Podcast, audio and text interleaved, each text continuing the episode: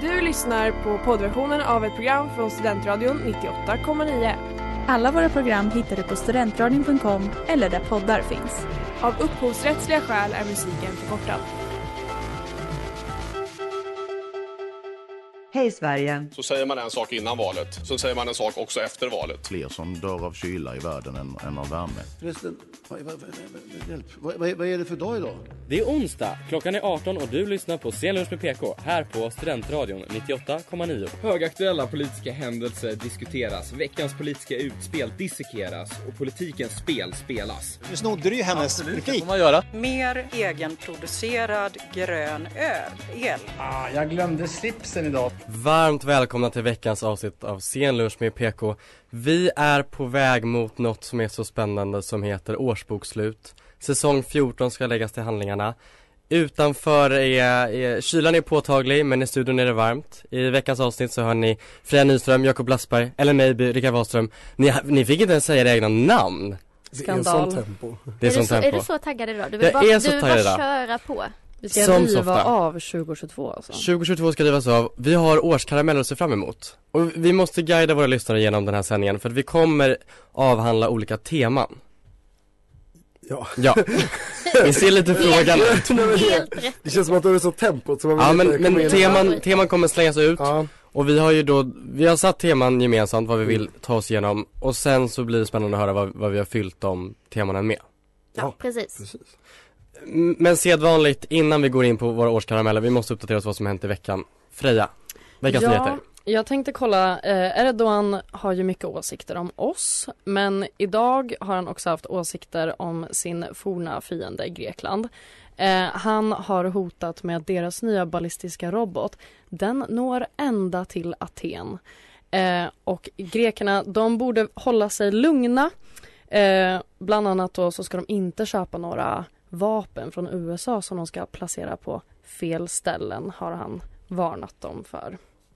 Okej. Så de ska vara lugna om de gör som han säger.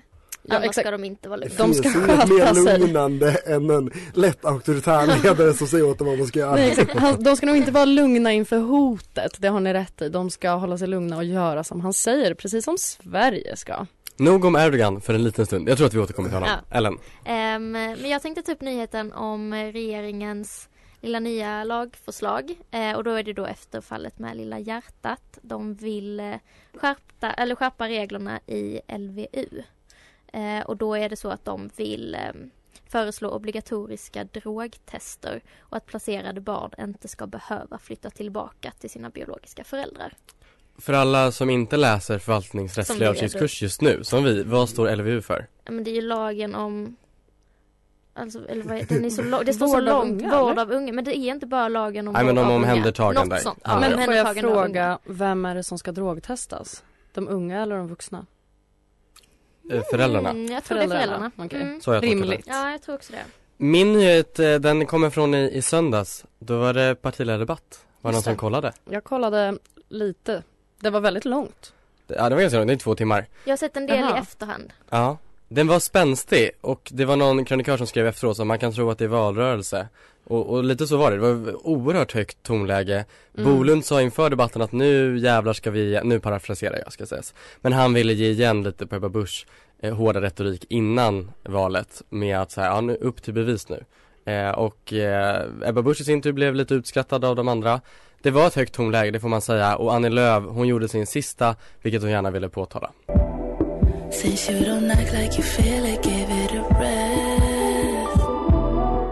Det där var Bounce med Naples. Och ehm, min nyhet för denna veckan går in lite i vårt första eh, tema som är headlines.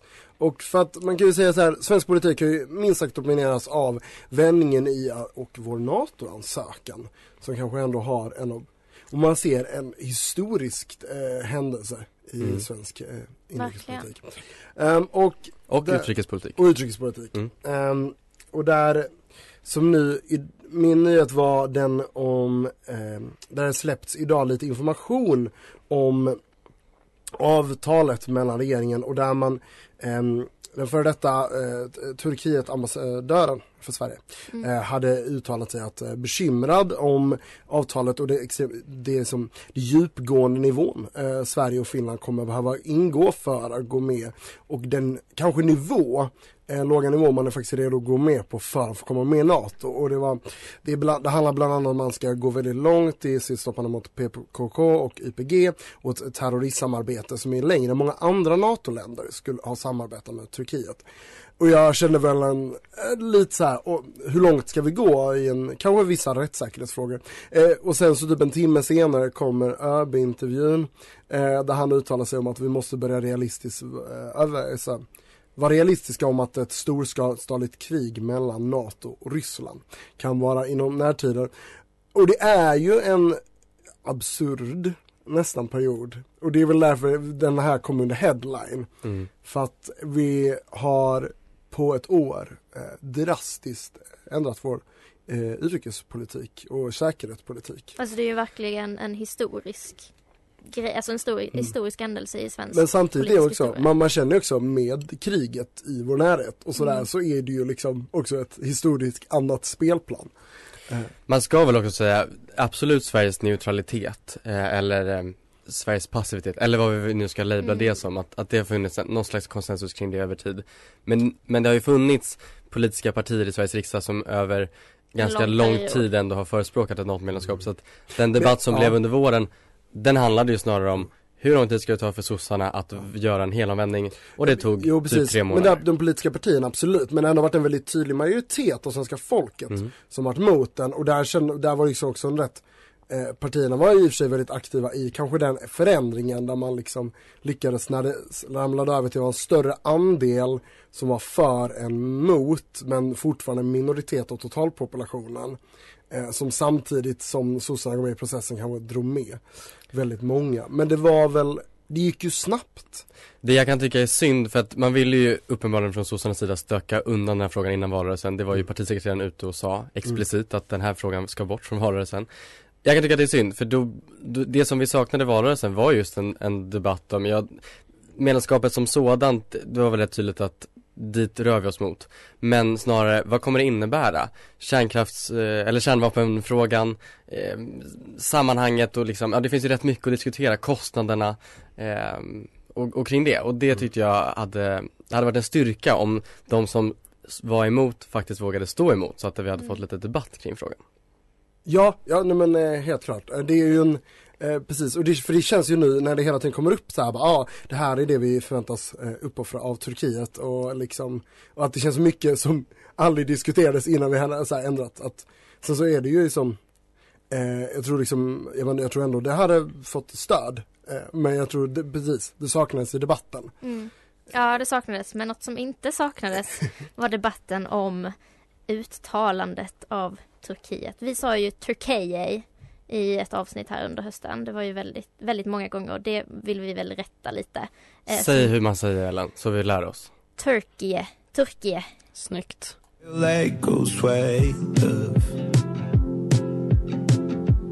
Det där var Lill Things med Sven och nu går vi in på vårt andra område som är bortglömt. Vad glömdes 2022? Och ja, jag kastar den direkt på dig Freja. Ja, eh, jag vill prata om någonting som jag tyckte har blivit bortglömt. Alltså för någonting som inte har blivit bortglömt det är ju alla de här klimataktivisterna som har spärrat av vägarna och levt rövare. Det har man varit väldigt, väldigt arg på och de har lobbat för att man ska återställa våtmarker. Eh, för bara en månad sedan så gick Romina Pourmokhtari, vår klimat och miljöminister, ut och sagt att man kommer öka eh, potten med pengar till eh, våtmarksprojekt. Eh, och det i sig är kanske inte värsta nyheten så det är inte så konstigt att det kanske inte har blossat upp så mycket. Men någonting som eh, har blivit bortglömt tycker jag väl är liksom Jag säger inte att det är klimataktivisternas eh, förtjänst det här för det har ju varit en politisk fråga sedan sen länge och det var ju också just därför de valde den för att det var en enkel fråga som det rådde konsensus kring. Men när jag läser om det här så ha, har jag liksom inte läst någon koppling alls om så här, ja just det hörni, det är ju förresten det här de har protesterat kring och sådär. de väljer att liksom utesluta den delen att det kanske egentligen har haft någon typ av Alltså jag vet inte. Ja, jag vet inte om jag liksom vill säga Eller ge dem liksom cred. Nej men precis, jag vet inte om jag vill säga att det skulle ha någon koppling och det är väl därför man lämnar ute det lite. Men det hade varit lite kul med alla som har varit så extremt arga att vara så här, men de hade ju ändå rätt liksom. Det känns som att vi kan jag känner att jag går igång lite på den här frågan, man kan ju diskutera väldigt mycket. Det, för mig låter det som att det är det mest korkade sättet att försöka övertyga bilister om att sluta åka bil genom att limma fast sig på vägbanan. Mm. Men vi har inte tid för debatt tror jag, så jag slängde bara ut min åsikt. Eh, Jakob, vad, vad har vi glömt 2022? Ja men eh, jag tycker alltså sossarna som valvinnare trots förlust. Eh, men det känns som att det har kommit upp ett antal omröstningar, eh, bland annat om minskat bistånd, det är de nya eh, migrationspolitiken, det är nya eh, justitiepolitiken, det är den här eh, grundlagsändringen där sossarna har röstat med den nya regeringen väldigt mycket och det känns som att Mm. väldigt många av deras lite mer konservativa åsikter kontra deras tidigare samarbetspartner Miljöpartiet, Vänsterpartiet och Centern så får de egentligen äntligen lite utlopp för den, de eh, åsikter de har och kunnat få igenom lite politik de inte fick under de två förra mandatperioderna. Och det känner jag har liksom gått lite för mycket under radarn. Därtill deras ökade väljarstöd i valet Mm. jämfört med förra valet. Ellen då? Ehm, nej men det jag tänkte ta upp är eh, Det är ju det är mycket, pris om, eller mycket prat om elprisstöd just nu, det har kommit tillbaks. Eh, men sen tänkte jag prata lite om anledningarna till att varför vi redan förra vintern eh, hade ökade elpriser och det var ju innan man kopplade allting till kriget i Ukraina som man, jag tycker man gör nu. Och då kanske man har glömt bort lite varför det var ett problem från början och då har jag sökt upp en liten det var en liten undersökning och då var det eh, elpriset i Sverige eh, blir ju påverkade av hur elpriserna i grannländer utvecklas. Och efterfrågan på fossila bränslen ökade under pandemin och därför gjorde det eh, redan då eh, dyrare. Och även andra energikällor som vattenkraft och så har försämrats på grund av klimathoten och uttor- ja, uttorkning. Rickard, du får snabbt kasta in det. Jag tänker bara att vi är valrörelse vart fjärde år till riksdagen och det känns som att vi liksom Precis som när vi skulle göra det här, sammanfattningen, så minns vi två månader tillbaka och så minns vi inget mer som hände under året Man minns inte vad som hände de senaste de tre åren under, under den senaste mandatperioden Så vi har ju hunnit glömma liksom pandemihanteringen helt och hållet. Det försvann ur valrörelsen. Sjukvårdshanteringen, hur vi stängde ner men ändå inte riktigt stängde ner Men man fick inte ens gå på begravning för sina närstående. Ingenting av det diskuterades och helt eniga var ju faktiskt inte riksdagen i de här frågorna. Det saknade jag i valrörelsen.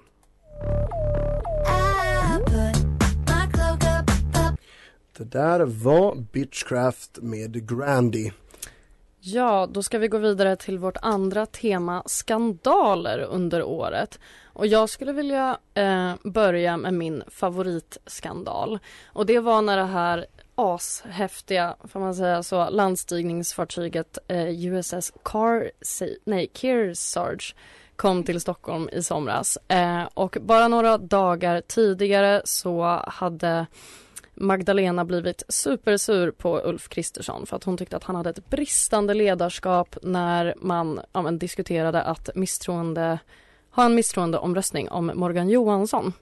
Eh, så när det här skeppet kom till Stockholm då sa hon nix pix, Annie får följa med och Ulf får stanna hemma. Och det var ju, jag tycker att det är en skandal på så vis att det var väldigt roligt gjort.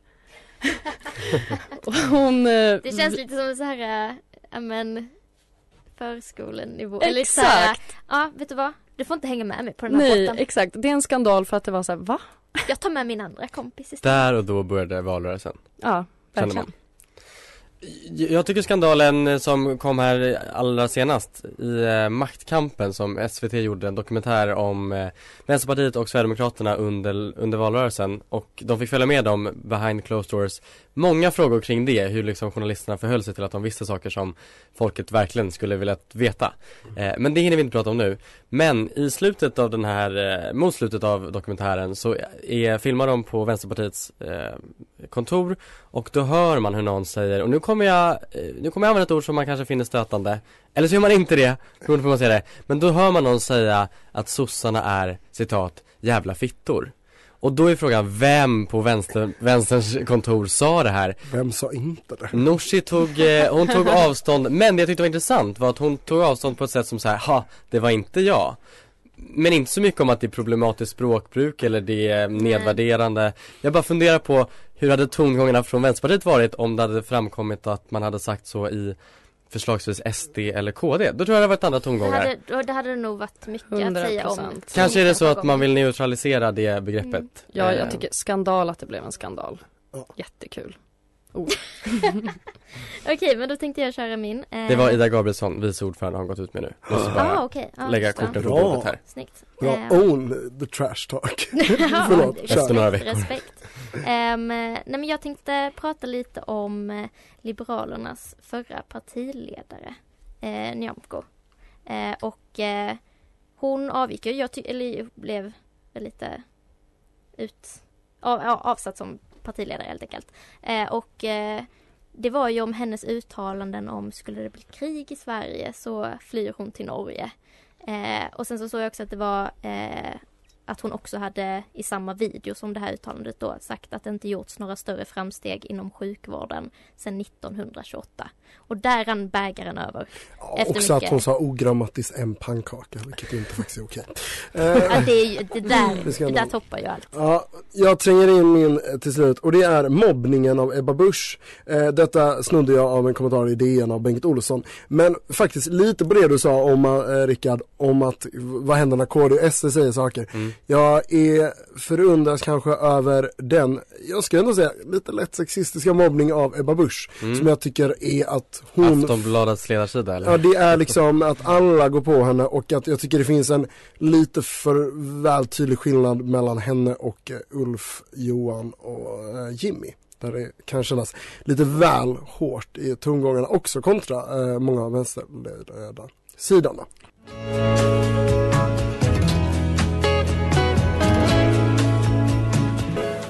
Där var Veronica Andersson med Björn Olsson. En ja, det är starkt. dänga. Um, Alright, vi går på ännu ett nytt tema och nu är det stjärnskott och nyheter. Um, Rickard, Ja, det, nu skrattas det så mycket här. det händer så mycket i den här studion. Det är jag. Ursäkta. Nej. Nej men skratta på för all del. Nej men stjärnskott, vi, vi funderar lite så på vad har vi för namn som vi, vi, vi tänker har dykt upp under året. Jag, jag slänger, jag har några som jag tänker på. Jag slänger ut Martin Melin. Den gamla Robinson-vinnaren, men för oss tror jag man mer tänker att han är liksom så här Snygg, cool farsa på Insta som också är polis. Snygg cool farsa. Nu Rickard, snygg. Rickard, nu börjar du bara Nu det erkänna dina sökt. Nu är han bara åsikter. snygg politiker på Insta. Det är så kul att se Exakt. hans Instagram stories. Ny Tips till alla. utrikespolitisk talesperson för Liberalerna och sitter också i riksdagen på det det. vikariat. Ja. Oj. Ja, men in och kolla. Alltså, är det en ny partiledare vi känner lukten Det av? finns Hoppas. ti- det är tillräckligt med liberaler i mitt feed för jag ska må bra. Ja det får Ehm, för dig. Eh, sen har jag också några eh, riksdagsledamöter som kanske inte är så kända men, men jag tänker i alla fall det, det är två moderater som har kommit in i riksdagen. De tror jag vi kommer få se mer av, Oliver Rosengren och Gustav Göthberg Som har profilerat sig inom ungdomsförbundet men som nu är invalda i riksdagen på ordinarie mandat. Ja, jag tänker kasta in, ehm, så mitt stjärnskott, eller ja, hon har ju varit med i politiken länge, Romina Pourmokhtari, men också där det är Liberalernas ungdomsförbund, men som nu lyckades så knipa en ministerpost. Mm. Och inte vilken som helst, utan klimat och miljöminister, får man säga i dessa tider, en, minst sagt rätt tung Mm. post, men som yngst i regeringen, lyckas ha. Och hon har ju inte helt varit eh, skandal eh, liksom eh, undvikit eh, nu. Det har ju varit mycket kritik mot miljöpolitiken och eh, i den nya regeringen. Men hon är, jag tycker ändå att hon är ett, eh, eh värt att benämna inom stjärnskottsrummet för att hon hon har ju inte varit rädd för diskussionen och debatten och jag tror verkligen inte vi har släppts ut slutet av henne. Hon kommer köra på och hon är ju inte rädd för att gå ändå till kritik mot eh, de andra partierna samtidigt som hon verkligen sätter sig i en, denna regeringen. Mer än vad jag trodde hon skulle göra. Så att jag tycker ändå hennes eh, nya, alltså här, hennes plats i svensk politik har ju verkligen cementerats. Ja och jag kan bara hoppas att hon orkar hålla i och hålla ut Faktiskt, för mot, den kritik som hon har fått En hel del sakligt och, och med, med goda grunder förmodligen men, men mycket också skit som hon har fått Jag hoppas bara att unga politiker som, som tror på sina idéer och som ges utrymme att genomföra den också vågar hålla i och hålla ut. Ja, Verkligen, där vill jag dra en, alltså sexismen mot Ebba Busch. Romina, ung kvinna, jobbigt. Mm. Verkligen. Men jag vill eh, prata lite om eh, våra nya stjärnskott Möparna som har fått så mycket medialt utrymme det här året. Jag... Eh, Har de kommit in i coolrummet? ja men det får man ju säga. Alltså det är ju en MÖP på tv alltså varje timma nästan. Det är också nästan så att vi inte ens behöver kontextualisera begreppet MÖP för att alla vet vad det är nu för att det är liksom så Ja men det var verkligen så mycket plats. Det var ett halvår sedan beskrev jag det för någon ny kompis. Och sen Mm. nu Militärt överintresserad person, Ja, ja. så har vi det så. Men att det känns som att nu är det så vedertaget. Verkligen. Och på tal om möpar, vem är inte ett stort fan av Zelensky? Alla. MÖPar. Ja men precis, alla möpar. Eh, och jag tänkte bara diskutera lite om att han har ju verkligen fått, ja men stjärnstatus. Eller han har fått väldigt mycket uppmärksamhet. Eh, och då är frågan, är det liksom för hans ledarskapsteknik eller är det för att han är liksom leder Ukraina, lite underdog i det här kriget från början. Eh, och liksom Eller är det vårt moderna kapitalistiska samhälle som behöver en individ för att Ja. kontextualisera Och kriget? den trendiga fetischeringen av krig. Ja men verkligen. Men jag tycker, det, jag tycker det är ganska intressant att se hur hans roll har spelat. Det där var Boys Don't Cry med Boys and Ivy. Och nu hamnar vi på ehm, temat 2022s oväntade. Mm. Ehm, jag kan ställa på dig Rickard till att börja med. Ja, men jag måste säga att det var oväntat valutgången vi fick. Inte i form av resultatet kanske utan snarare i form av eh, antalet eh, deltagande medborgare som la sin röst i urnorna. 87% hade vi 2018. Jag tror att vi var många som både hoppades och trodde att det var en trend som vi skulle fortsätta mot. Ett ökat valdeltagande, ett fortsatt starkt valdeltagande. Och det kan vi väl konstatera att vi fortsatt har ett ganska starkt valdeltagande. Men vi tappade 3 procentenheter. Vi är nere på 84% ungefär. Jag tycker det är tråkigt. Och jag tror inte, jag har inte läst någon omfattande analys av vad det beror på, men jag tror inte att hela förklaringen stavas en del köande. Jag tror att det finns andra faktorer. Och jag tror att politiken som så ofta blir delvis klubb för inbördes men också att vi framförallt inte når ut till vissa, vissa grupper av människor i vissa områden. Men jag, men jag tror också, jag vill kasta in en gissning på att lite med, det var, kom ju ändå rätt mycket artiklar och det har vi pratat om i tidigare avsnitt om att debatten, alltså den kanske lite låga nivån i debatten, fick för, så här, skapade ett missförtroende som gjorde att folk inte ville gå och rösta. Kanske, men det kanske inte är något nytt. Jag tycker faktiskt, eh, nu blir ju min eh, giss, eh, eller min oväntade kanske liksom nästan en motsats till vad du ville säga. Du sa att valresultatet, för att jag lägger ändå att Magdalena, i, Magdalena Andersson inte blev statsminister. Kändes ändå, alltså egentligen det här blir... Från din filterbubbla. Nej, men nej, det är väl detta, för det jag skulle säga är något väldigt paradoxalt. Jag tycker inte det känns oväntat att högersidan vann, men det känns oväntat att Magdalena Andersson inte blev statsminister. Och det kan vara så också opinionen ser ut. Väldigt stort stöd för Magdalena Andersson. Mm. Ja. Inte lika tydligt för eh, vänstersidan. Att det Precis. känns som att det är bara något att man märker ändå rätt mycket att Magdalena har det stödet just nu som hon har de otroligt goda väljarsiffrorna. Får jag slänga frågan Mm. Jakob? Blir Magdalena Andersson den första valda kvinnliga statsministern i Sverige? Ja, jag vet, nej, jag tror För jag tror i nästa val, jag känner typ samma sak, att ja, Magdalena Andersson kommer att ha stort stöd, men jag tror högersidan, detta kommer komma i mina killgissningar härnäst, om att jag Ska inte föregå det. eh, Men det är, om det inte blir hon så kommer det ta ytterligare 10 eller 15 år innan vi ser en kvinnlig Oj statsminister. Det känns, det känns lite Dystopiskt. Ja, men vi, eh, när man pratar om det oväntade, jag vet att vi har pratat om det jag tänkte ta upp nu Mm. eh, en del innan så jag ska inte tala för långt om det. Men mordet i Almedalen, det var oväntat och skrämmande eh, och det känns dumt att ha den här lilla, det här lilla segmentet med oväntade händelser och, utan att ta upp det. Mm. Ehm, Ja, vilken chock. ja, verkligen. Trots att man hade ju kunnat eh, tänka sig att någonting sånt skulle Mm. kunna hända men det säger väl mer om ens psyke att man aldrig tror Ja. att det värsta Stora men också att det- filterbubbla. Men också att det liksom är en händelse som, ja, som kommer påverka väldigt många andra sådana sammanträdanden och hur det kommer Mm. ske i framtiden. Och det är väl bara att hoppas att det inte var den avgörande Mm. faktorn för att Annie Lööf kastade in handduken. Mm. Freja, Ja, eh, jag... när vi gick in i 2022 så hade jag väl den pessimistiska inställningen att jag nog aldrig trodde att pandemin skulle släppa greppet om min Mm. vardag. Men det har den verkligen gjort. Tack och lov. Nu går ju siffrorna upp igen, bla bla bla, jag vet det. Men jag menar redan i början av året så var det ju liksom eh, bestämmelser om hur många människor som fick vistas i lokaler och sådär. Mm. Eh, men eh, ja, det tyckte jag var oväntat att vi öppnar upp så pass mycket. Done, done. Och det där var Sam Apocalypse med dödsdiskot.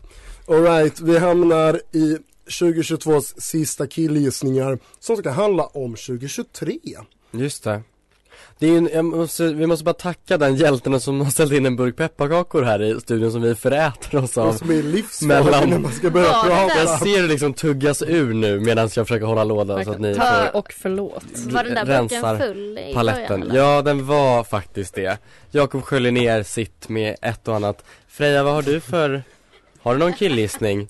Jo, min killgissning är faktiskt det här om NATO. Jag knyter ihop säcken där att eh, jag tror inte att eh, NATO-debatten eller samtalet kommer lägga sig på, någonting, på något vis. Jag tror att det kommer snarare öka och kanske det kommer förmodligen eh, komma massa fler problem och möjligheter ju längre fram i processen vi kommer och när vi väl är med så kommer det föda sina konsekvenser såklart. Eh, så att jag tror att Två MÖP-killar i timmen på TV. Exakt. Eh, jag tror att det kommer bli ännu mer NATO och kanske ändå mer problematiseringar av de olika effekterna och så vidare. Mm. Men du tror ändå man, det kommer finnas plats för problematiseringen? Ja, det finns ju ändå handlingsutrymme inom Mm. NATO liksom. Men det, det tror inte jag är så dumt för att ju närmare vi kommer desto mer explicit kommer det behöva bli vad det Mm. ska handla om. Ellen då? Jag läste på DN innan eh, vi gick in här i studion eh, om de här, eh, den här nya typen av streptokocker, eller ny vet jag inte om det är, men det, det är en ökad smittspridning eh, av en viss typ av streptokocker. Men alltså nej. Ja, och det, och, Vad betyder det då? Det men det är någon inte. så här i, i, alltså man har ju streptokocker om man har halsfluss till exempel. Ja. Och den här eh, nya typen har nu på, alltså redan dödat 14 barn i Storbritannien och smittan ökar i Sverige. Så jag har en ganska dystopisk killgissning att det kanske kan bli något. Jag tror inte det skulle bli lika storskaligt som coronapandemin men jag tror att det kan bli. Åker ryssen hem om det blir eh, karantän? Ja, det, Fråga. kan, det kan vara En din fredsförhandling. Men när du säger ökad smittspridning då börjar jag direkt tänka på så här pressträff Då är det Tegnell, det är Hallengren. Och så var det ju en pressträff nyligen med den nya socialministern och den relativt nya generaldirektören för Folkhälsomyndigheten Som heter något helt annat. Karin Tegmark Wisell och, eh, och Jakob Forssmed och då, då tänkte jag bara så Du har här ändå hunnit lära dig dem. Ja men de har ändå varit med ett tag, men jag bara tänkte så här, gud man är så van vid att det är vissa personer. Och det var väl lite min spaning framåt, för att Sverige kliver in som ordförande för EU nu efter årsskiftet, för ett halvår. Det blir, eh, jag säger att det blir spännande men vi vet inte riktigt hur mycket vi kommer märka av det. Men jag tror att den nya EU-ministern Jessica Rosvall kommer bli en av de mest uppmärksammade ministrarna. Och jag tror också- att hon har förutsättningar att bli den mest populära. Just det, de ska Mm. till Kiruna.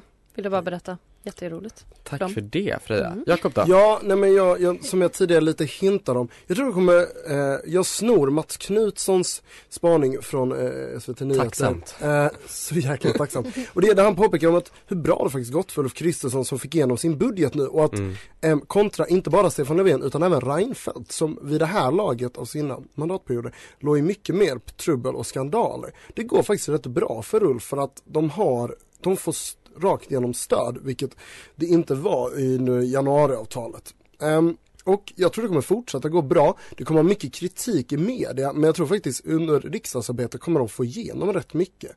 Och det kommer, ehm, sen betyder inte det att det är så här, jag vet inte om, bara för att de får igenom grejer är inte säkert att de får alltid stöd för det de gör. Men jag tror liksom denna kvartetten sitter rätt bra i båten. I så. Det där var Unholy Appetite med Barry. Sändningen går mot sitt slut, så gör även 2022. Jag tycker att vi på ett ganska effektivt sätt har lyckats ringa in 2022. Vi har täckt in många olika delar. Det är trots allt mycket som händer. Vi har haft en valrörelse, vi har krig i vårt närområde och mycket därtill. Och vi har lyckats ändå hålla det imponerande inrikespolitik. Ja, det är väl fantastiskt. Det Men va? jag, jag måste Nej, också tacka er för, för det här halvåret. Vi har ju ett halvår kvar, som tur är. Men, och vi har ju Jossan och Edvin inte med oss i studion idag, men det är fantastiskt att få sända tillsammans med er och våra kära lyssnare som är med oss vecka in och vecka ut. Vissa lyssnar live, många lyssnar i efterhand. Vi älskar er alla. Fina ord Rickard, Ja men fina ord, lite fina ord. Detsamma säger jag också till dig. 2023 är, står, står för dörren. Jag tänker att vi, vi avrundar med någonting man ser fram emot 2023 Kopplat till inrikespolitik, ska då sägas Just det. Jag vågar släppa det helt fria Men någonting man ser fram emot 2023 kan vi väl bara skicka med våra lyssnare innan vi rundar av och nu skulle man ju vilja att Happy New Year börjar spelas i bakgrunden men det går ju tyvärr inte, vi är på studentradion Men skit i det Jakob, vad ser du fram emot? Ja, men alltså eh, kommundrama är så bra.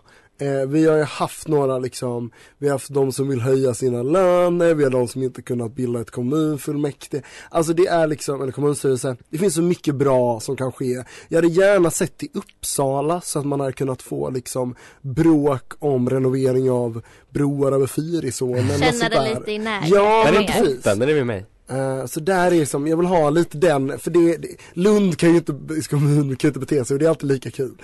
Så det hoppas jag få se lite på nära fot. mm. Mer kommunpolitik, det kan jag med om Ja, jag hoppas eh, likt Jakob lite mer drama men på riksdagsnivå. Jag hoppas att Socialdemokraterna steppar upp, slutar hålla med om eh, i riksdagsröstningarna och kommer med lite mer spice för att jag tycker det är tråkigt när det bara är vänstern och Miljöpartiet som står för den roliga oppositionen. 2023 blir året där sossarna sätter politiken före makten.